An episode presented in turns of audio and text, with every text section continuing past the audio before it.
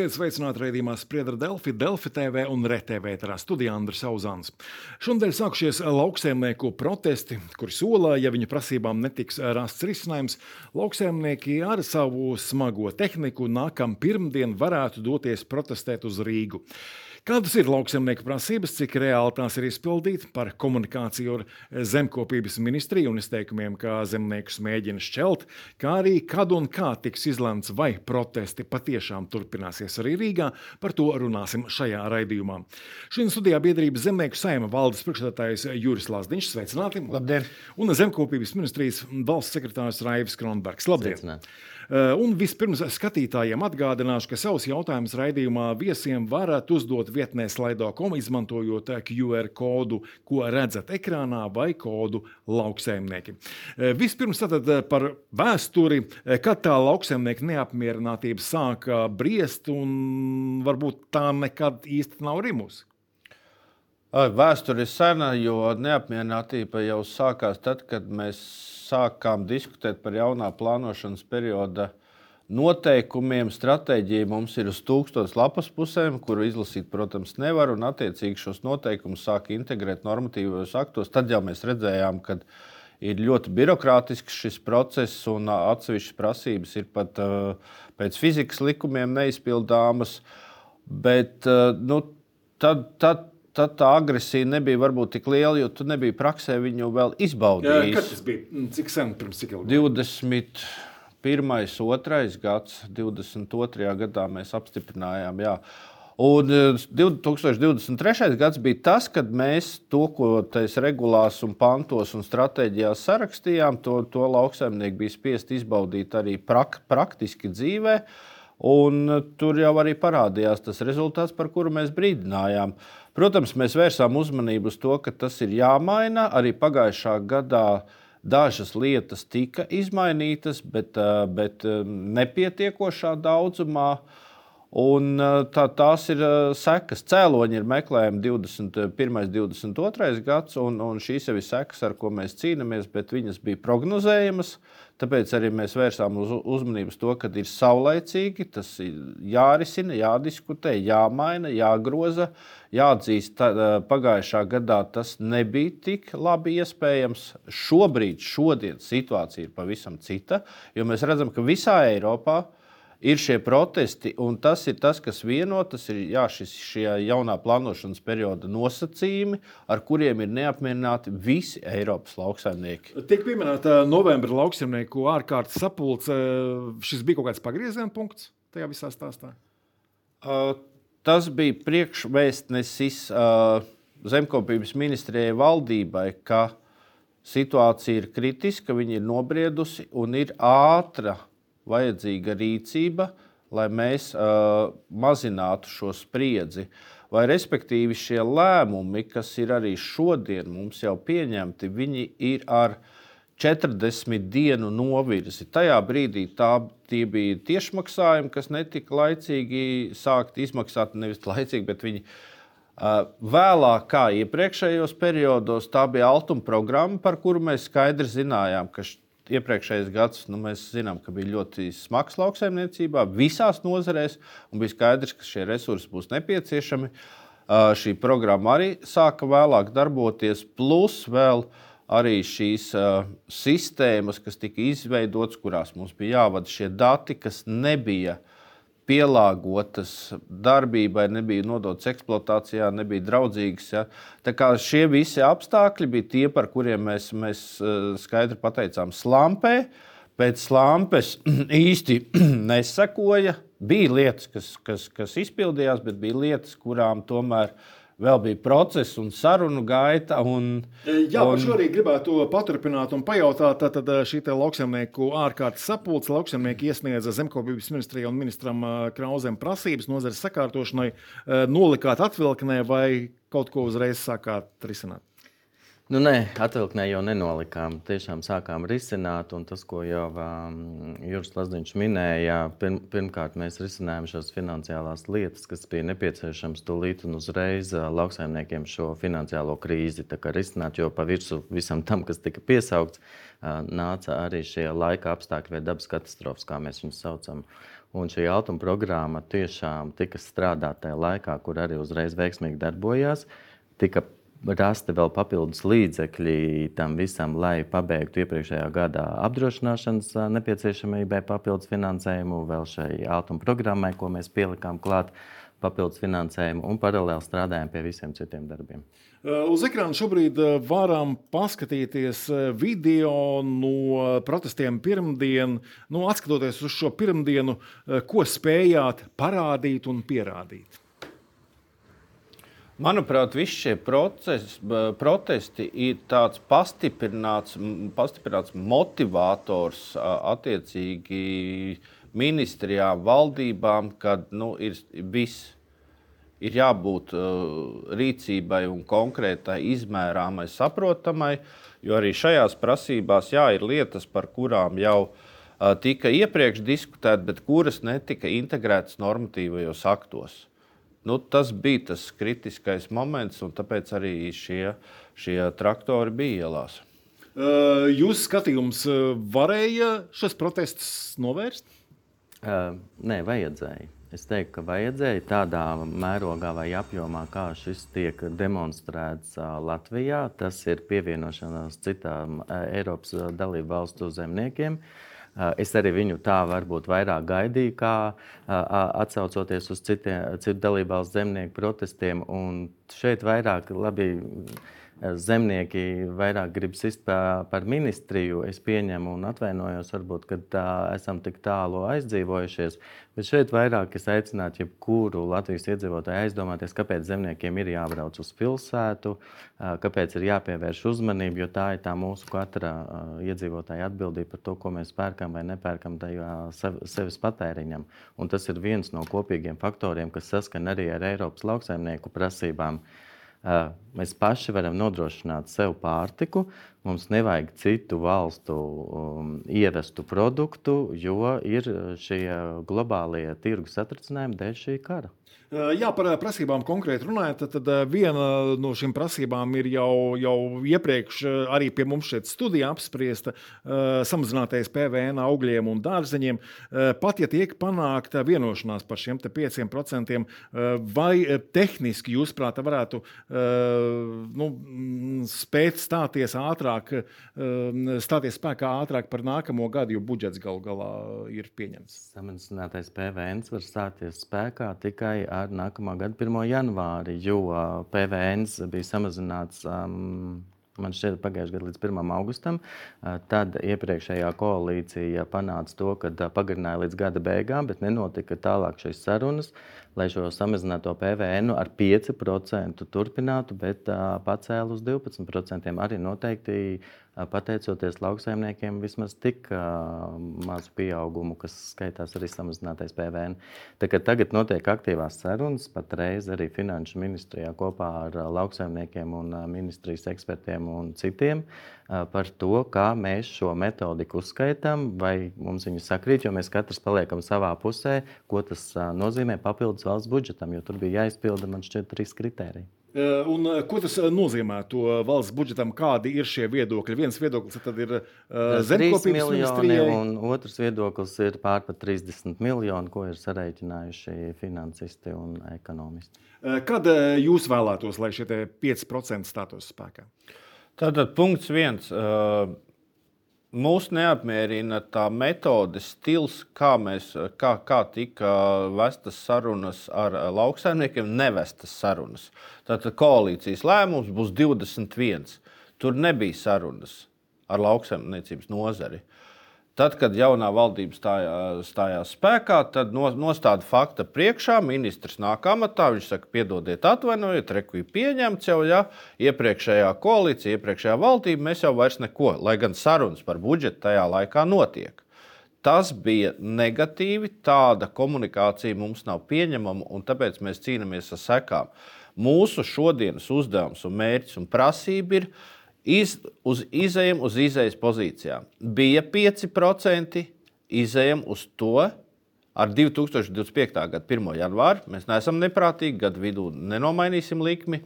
Un tad mēs, jā, piemērojot šos metodikas, salīdzinot, tur ar mums vajag. Nu, tātad mums ir divas radikāli atšķirīgas metodikas, kuru skaitliskā izteiksme atšķirība ir 10 reizes 3 miljoni pret 36. Nu, tad mums arī ir jāpiesaista vēl eksperti, speciālisti, zinātnieki, kas spētu mums iztulkot, kāpēc ir uh, tik būtiska atšķirība, kas tajās metodikās, kuras formulas vai, uh, ir, uh, ir, ir tās, kas rada šo uh, būtisko atšķirību. Tā kā jā, primāri mēs atgriežamies uz šo likmi un tad veicam diskusijas. Tad Bet, veicam ir skaidrs, diskusijas. ka šīs nedēļas laikā, nu, teiksim, tā līdz potenciālajiem protestiem pirmdienai, tur atrisināt šo īsti nevar.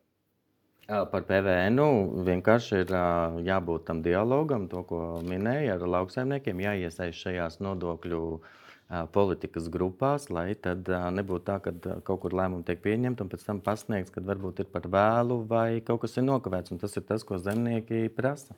Līdz ar šo PVN jautājumu viena no prasībām ir saistīta ar konkurenci, nekavējoties veikt darbības, kur rezultātā tiktu palielināts vietējo produktu īpatsvars veikalu plauktos, kā arī valsts un pašvaldību publiskajos iepirkumos. Kā to praktiski būtu iespējams realizēt? Jūsuprāt? Praktiski ir tas, ko Kronberga kungs teica. Sabiedrība veido šo īpatsvaru. Ja sabiedrība prasīs vietējo produktu, viņš arī būs, un mēs līdz ar to varēsim vairāk uh, ražot, un līdz ar to visiem būs arī labāk. Bet es baidos, Bet, ka sabiedrība, viena daļa sabiedrības prasīs lētāko produktu. Mm, jā. Nu, par to lētāko mēs te pirms raidījuma apspriedāmies. Man liekas, ka tas mārketinga triks vai veikala politikas triks, nu, jānoņem tas plīvurs vienreiz nost. Paskatāmies to Latvijas preci, nu viņi jau nav tā dārgākā salīdzinot. Ir kaut kādas preču grupas, bet tā ir viens, kad importam uzliek um, šo fasētā um, produkta cenu, un, piemēram, latvietim par tomātiem ir kilogramu cena. Viņš izskatās, protams, kardināli atšķirīgs, jo 7-8 eiro Latvijas uh, tomāts, kur pretī ir uh, spāņu vai kāds cits izcelsmes valsts uh, tomāti par uh, 3,70. Bet, ja mēs pievēršam tam spāņu tomātam šo šo kilogramu cenu, tad viņš ir par vairākiem eiro līdz pat 10 eiro par citu preci dārgāks nekā tas vietējais bez saules audzētais ar, ar, ar, ar mākslīgu ap, apgaismojumu. Tas pats ir ar salātiem. Bet tieši kā mēs varam panākt to, lai, lai, lai pircēji tiešām pirktu? Tas ir veikalnieku. Mums no rīta bija saruna, kā ministrs solīja, arī to mēs pieprasījām, saruna ar mazumtirgotājiem. Viņi no rīta bija. Kāda mums ir statistika? Šodien piena produkti veikalu tīklā ir 68% vietējie. Igaunijā šodien ir vietējie 92, 24% atšķirība. Naudas izteiksmē un patēriņā attiecībā pret Latvijas piena nozari tā ir eh, ļoti būtiska naudas summa, kuras pārstrāde skaidri pateica, ka Ja mēs aizējām uz 85, 90% vietējā piena produkti veikalu plauktos, mēs spējam samaksāt jau konkurētspējīgu Eiropas vidējo cenu arī piena ražotājiem. Tas ir viens ķēdes posms, var būtiski mainīt nozares situāciju un nozares stāvokli. Un mēs jau daudzus gadus šajās diskusijās piedalāmies, ir vairāk pētījumu veikti arī šodien. Uh, Konkurences padome mums pasaka vienu, ka vietējiem produktiem uzcenojums ir lielāks nekā importētājiem. importētājiem. Uh, veikalnieki pasaka, ka nē, tā tas nav. Un tagad nostāda mums tādā dīvainā pozīcijā. A, kam mums ticēt? Konkurences padomē vai mazumtirgotājiem? Tas ir, bet arī mēs runājam par jaunu normatīvu izstrādi. Nē, tur nevajag normatīvu izstrādi. Tur vajag no veikalnieku puses labo gribu. Un, ja mums šodien izējas pozīcija ir 68%, tad pēc mēneša mēs katru mēnesi palielinām par 3%, un tad jau uz gada beigām situācija būs atrisināta bez jebkādas teiksim, juridiskās un normatīvu aktu iejaukšanās. Ja? Tā, tā ir labā griba, ko mazumtirgotājs izrāda pret vietējo ražotāju un pārstrādātāju. Jo arī nu, tas par matu tiesu veikalnieki izmuka no pirmdienas protestiem. Ja? Tas, tā, tas ir mērķis, uz kuru lauksaimnieki jau šodien skatās. Tā izskaitā viņi skatās uz to, lai veikalos nebūtu šie uh, agresoru valstu pārtikas produkti, ja, kas ir paslēpušies zem smukiem nosaukumiem, bet tad, kad tu atnes mājās un sāc lasīt, izrādās, ka viņš ir ražots Krievijā.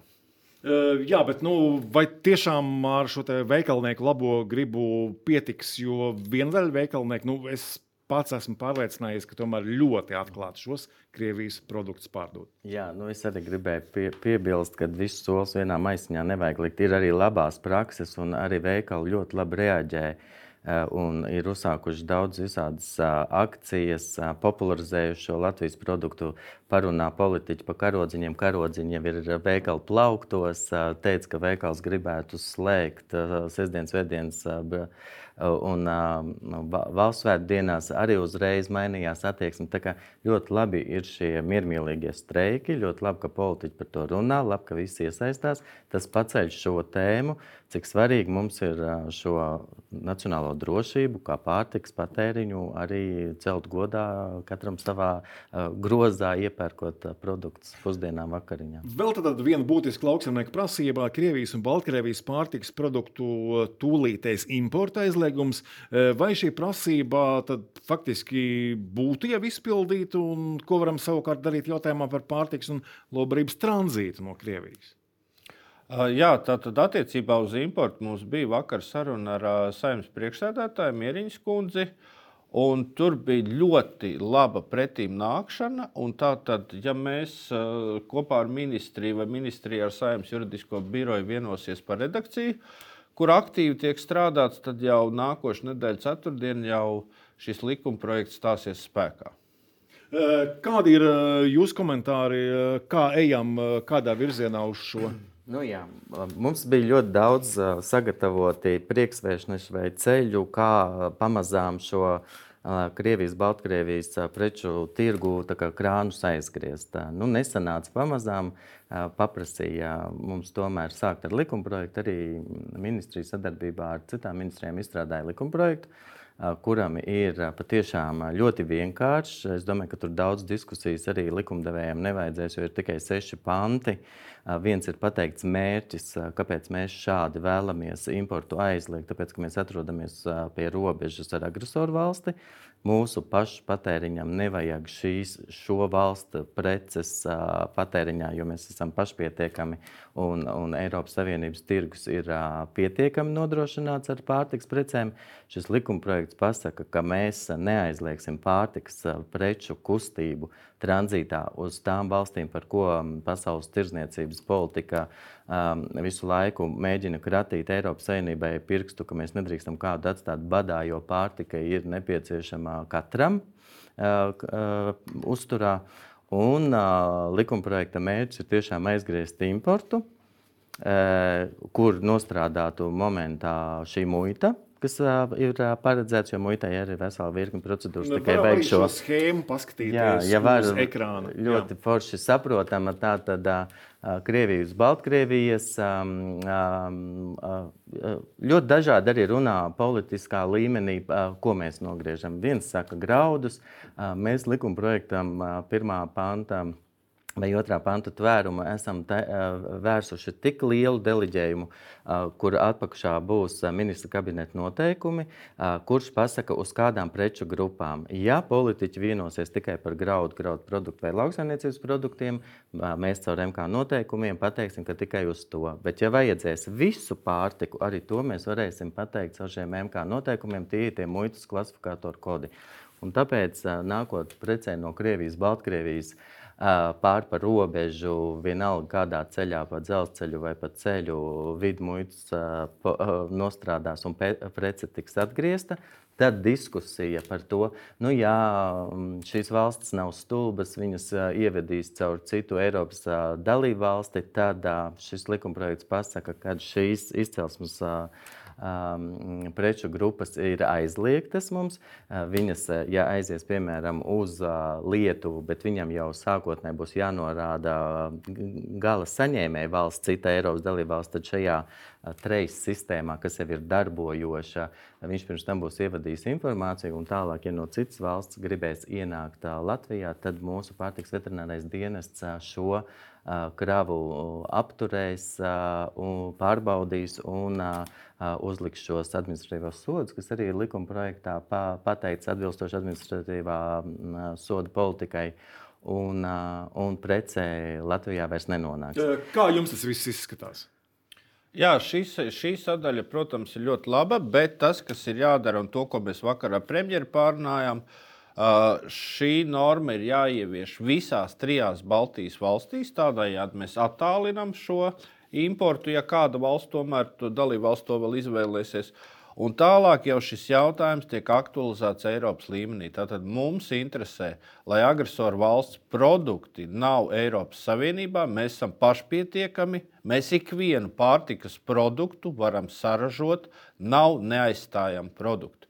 Un šajā ģeopolitiskā situācijā tas vienkārši morāls un ētikas jautājums neatbalstīt uh, agresoru valsts uh, pārtikas produktu ienākšanu Eiropas Savienībā. Uh, turpinot par šo pašu tematu, te mums ir skatītāji jautājumi, acīm redzot, Uh, skatītāji ir uh, iedziļinājušies dažādās niansēs. Uh, šeit ir jautājums, kāpēc ar zemnieku spēkiem un uz viņu bēdu rēķina mēģina glābt Latvijas meitas uzņēmumu, kuru jūris ir padomē. Tad jūs. Šāds ir skatītājs. Es esmu Latvijas padomē. Jā. Bet vai piekrītat, ka ar zemnieku spēkiem mēģināt glābt kaut ko? Nesaprotu jautājumu būtību, bet uh, apmēram nojaušu, par ko ir, jā, jā, jā. ir, ko ir runa. Uh, tātad Latvijas biedri decembrī kopsapulcē ir skaidri pauduši savu pozīciju uz šo alfa ostu. Mēs esam pret agresoru valsts graudu importu un pārvietošanu uh, šajā ostā juridiskie aspekti neļauj mums vienpersoniski, kā akcionāram, pārtraukt tūlītējas operatīvās darbības. Viens no uh, variantiem, kā mēs to varam risināt, ir politiskais lēmums pārtraukt agresoru valsts uh, graudu importu. Kur šobrīd mēs mēģinām panākt? Tieši tā. Uh, nu, te arī uh, šai sakarā ir uh, otrs skatītāja jautājums, um, nu, kas formulēts šādi: Latvijas mērķis uzņēmums Alfa Osta pārvadā Krievu graudus, un tagad viņi grib tikt ārā no tā, izmantojot importa aizliegumu, nodrošina, kas nodrošina viņiem force majeure. Sapratāt? Pirmkārt, mēs nepārvadājam. Jā. Es Varbūt jā. Jā, jā. Nu, jā, šeit ir tās divas lietas, ko visu laiku jauc. Imports un tranzīts. Uh, ostas ir pakalpojums sniedzējs vai pārkrāvējs. Ienāk ar vagoniem, vienalga graudi vai kas. Uh, viņi ir pasūtīti kā pakalpojums sniedzējs, lai šos graudus pārkrautu un tālāk nogādātu uz, uz kuru to valsti. Mēs ar savu likuma projektu pasargāsim šo importu, bet mēs neaizliegsim tranzītu kur tie graudi tālāk tiek pārkrauti. Un, nu, un te ir tas stāsts, par ko arī politiski runā, kad mēs jau negribam aizgriezt momentā visu simtprocentīgi pilnīgu, kur mēs pakļaujam arī savus vietējos, piemēram, darba ņēmējus. Jo jebkura šī darba vietu pārtraukšana, aizslēgšana ir nākamās sociālās sekas mēs gribam šo Krievijas, Baltkrievijas produktu nelietot savā valstī, aicināsim Lietuvas iegauņus un šādu pašu principu ievērot Eiropas Savienībai, par ko ir arī šīs lielās politiskās diskusijas, kuri vēl varbūt ir atkarīgi no šī, šī produkta importa vai tranzīta. Mēs no tā nesam, to arī cenšas pierādīt šie ostas pārkrāvēji. Vienkārši tam ir zināms laiks.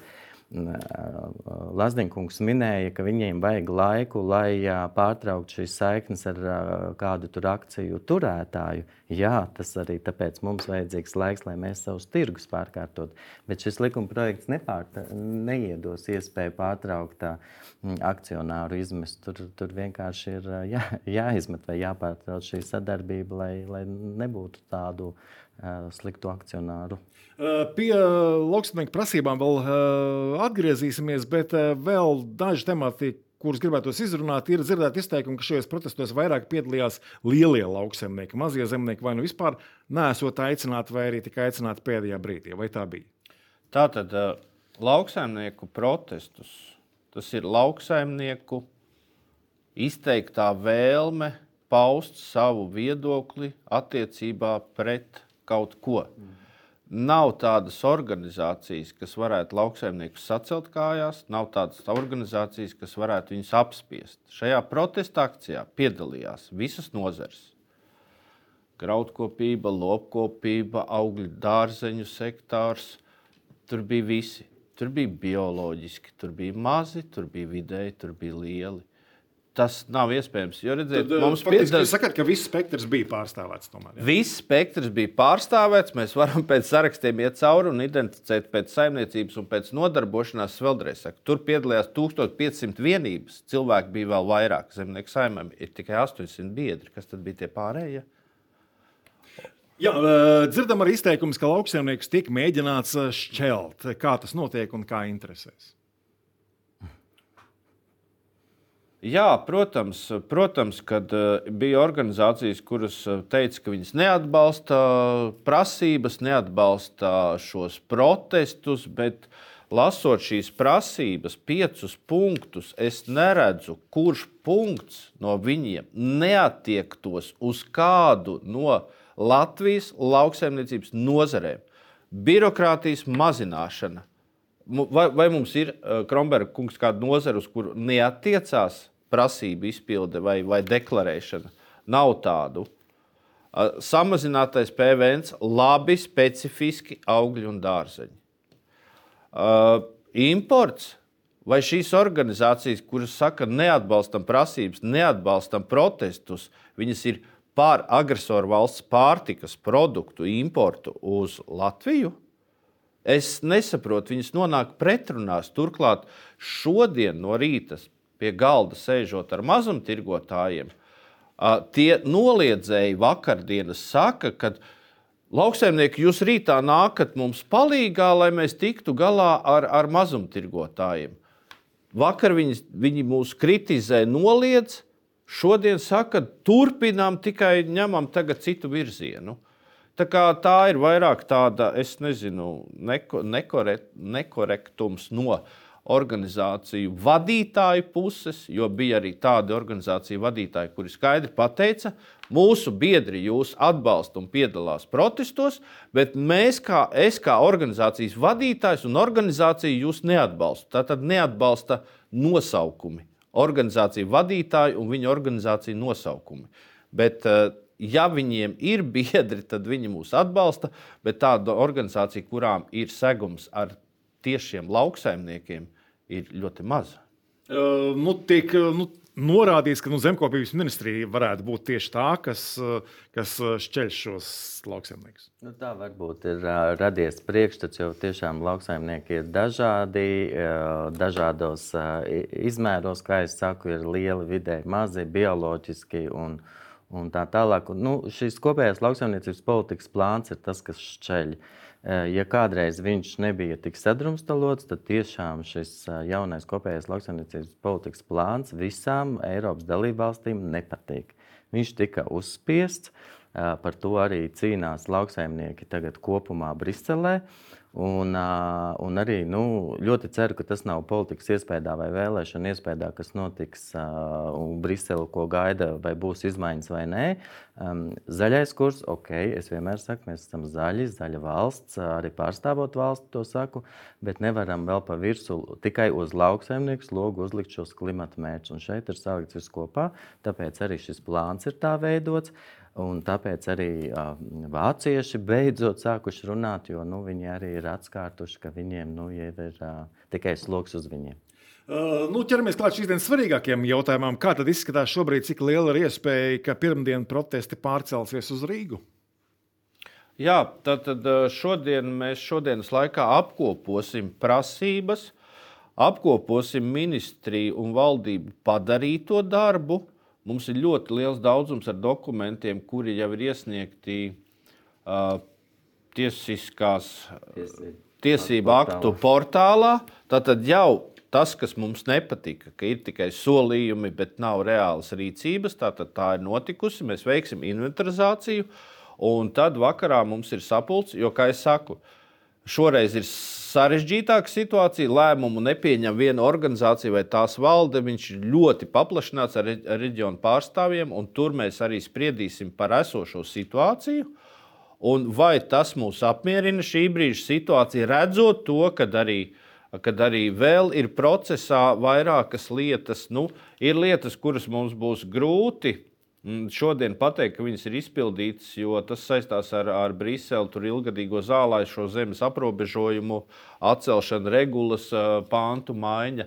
Mēs varam tikai uzticēties, ja, un, protams, sekot līdz tiem notikumiem. Jā, tad, tad mēs apkoposim kāda ir situācija, ja mums ir pieci punkti, prasības ir tur apakšpunktos vairāk, cik procenti ir izpildīti, un vai tas ir tas, kas mūs šodien apmierina. Ja nē, tad mēs jau attiecīgi lemsim, un rītā mēs līdz pusdienlaikam līdz noteikti informēsim par.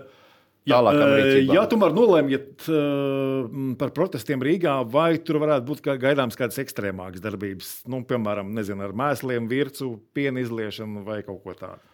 Tā tad valsts sekretārs skaidri pateica, ka mēs pārtiks produktus zemē nebērsim, bet attiecībā par formu nevaru jums ne, ne noliegt, ne apsolīt. Uh, Radikālākas. Jā, jā. cerat uz mierīgiem protestiem arī Rīgā, ja tādi būs. Uh, nu, nē, vajag lauksaimniekiem savu balsti celt. Tomēr lielākie tautsaimniecības uh, arī nodokļu maksātāji un mūsu IKP paceļ lauksaimniecību, mežsaimniecību un zivsaimniecību. Lai tas viss notiek, jo šīs fokus, kas uz mūsu nozari tagad ir, tas pat iespējams, ka palīdz, bet miermīlīgi. Bet man ir tā recepte, ko es cenšos piedāvāt, un arī varbūt izteikšu šodien šeit skaļi. Um, nevajag gaidīt, kad nokļūst kaut kas tiesību aktu portālā. Tas, ko mēs esam uzsākuši, un tas ir arī ministra uzstādījums, sākam ātrāk runāt par šīm projekta iniciatīvām, izmaiņām, iesaistām mūsu nozari. Uh, jo nonākot tiesību aktu portālā, sākās arī tie pārpratumi un tā, tā situācija, kad mēs sadrumstalojam vai paši uzmetam vienu vai otru lauksaimnieku. Jo katrs skatās no savas skatu punkta un nav bijuši šī diskusija vai šis skaidrojums, jo lēmumu nav viegli pieņemt, pat cik mēs esam dažādi. Tas pats eh, vakar dzirdēju, noticis ir ar uh, sportu, kur viņi izlasa tiesību aktu portālā un liekas, ka viņiem nebūs finansējums vai vēl kaut kas, kur tie ir tikai uh, valsts pārvalde arī digitalizējās, elektroniskā procesā ir aizgājusi, kur šī uh, dokumenta virzība, kā NVO var pieslēgties, izteikt viedokli, kā citas ministrijas. Nu, viņa ir atklāta, caurspīdīga, un tad varbūt rodās nepārpratumi.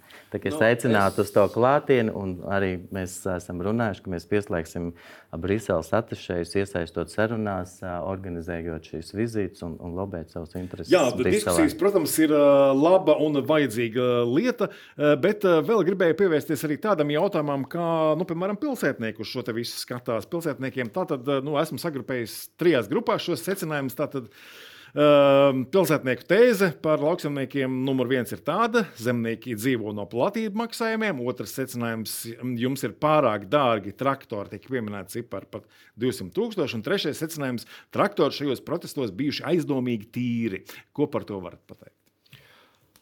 Uh, jā, tā tad uh, pārāk dārga tehnika Redziet, kā ir. Mums ši, šajā plānošanas periodā bija uzstādīti šie klimata mērķi, vides mērķi, kas ir jāsasniedz. Uh, diemžēl, bet lai tos mērķus sasniegtu, ir attiecīgi vajadzīgas tehnoloģijas. Šīs tehnoloģijas maksā milzīgu naudu. Jā, pieminētie 200 tūkstoši arī viņas maksā un vēl dārgāk maksā. Tā kā mēs nevaram tos sasniegt. Par, uh, par tīrību redzēt, kā ir. Nu, cilvēki. Nu, tiek teikts, ka, ka zemi šie, šī tehnika iespējams nav redzējusi. Nemaz. Tā, tā, tā, tā, Jā, tā doma bija. Februāra mēnesī nu, Latvijas klimatiskos apstākļos parasti lauksaimnieki uz lauka nestrādā. Tātad tas liecina par to, ka tā, tā, tās ir rūpes attieksme pret šo tehniku, pret šo tehnoloģiju. Viņa ir sakopta un tīra. Jo arī mēs, nu, parasti vairums cilvēku, manuprāt, arī uh, nu, iet no rīta uz dušu un arī vakaros. Ja. Arī lauksaimnieki pret šīm tehnoloģijām izturās rūpīgi, jo viņas ir ļoti dārgas un remonti ir ļoti dārgi. Tā kā, tā kā Lietuvā savukārt sabiedrība tieši pretēji novērtēja to šo tehniku, tehnoloģijas. Viņa teica, super, jūs neesat nekādi atpaliek, atpalikušie. Ja jūs te atbrauktu ar zirgiem vai ar, ar, ar, ar Belarus traktoriem, mēs saprastu, ka jūs šajos gados neko neesat sasnieguši, bet šeit mēs redzam, ka jūs attīstāties paudžu maiņa ir notikusi. To protestos varēja redzēt gados jauni cilvēki. Ja? Tā kā progress ir bijis, un tas ir jānovērtē pozitīvi, nevis negatīvi. Uh, nu, vēl tā trešā tēze bija zemnieki dzīvojot no platību maksājumiem. Jā, tātad attiecībā uz platību maksājumiem, platību maksājums ražojošu saimniecību uh, kopējo ienākumu bilancē sastāda no 8 līdz 12 procentiem, kas ir ļoti nenozīmīgs. Līdz ar to mēs vairāk kārt esam deklarējuši to, mēs varam iztikt bez platību maksājumiem tikai visā Eiropas Savienībā. Tad, tad tie ir vienādi konkurences noteikumi. Mēs esam pirmie, kas balsos par to, jo mēs saņemam vismazākos platību maksājumus. Jā, tad, tad šobrīd esam situācijā, kad gaidām lauksaimnieku lēmumu par to, vai pirmdien turpināsies protestu un vai ar traktoriem tiks braukts uz Rīgu. Saku paldies raidījumu viesiem. Nākamais spriedra Delfija raidījums ēterā pirmdien, bet jau šodien, 6. vakarā, lauksaimniecības tematiku turpinās mana kolēģa Olga Dragiļeva raidījumā, kāpēc izjautājot zemkopības ministru Armandu Krauzi. Šodien paldies, ka skatījāties uz tikšanos!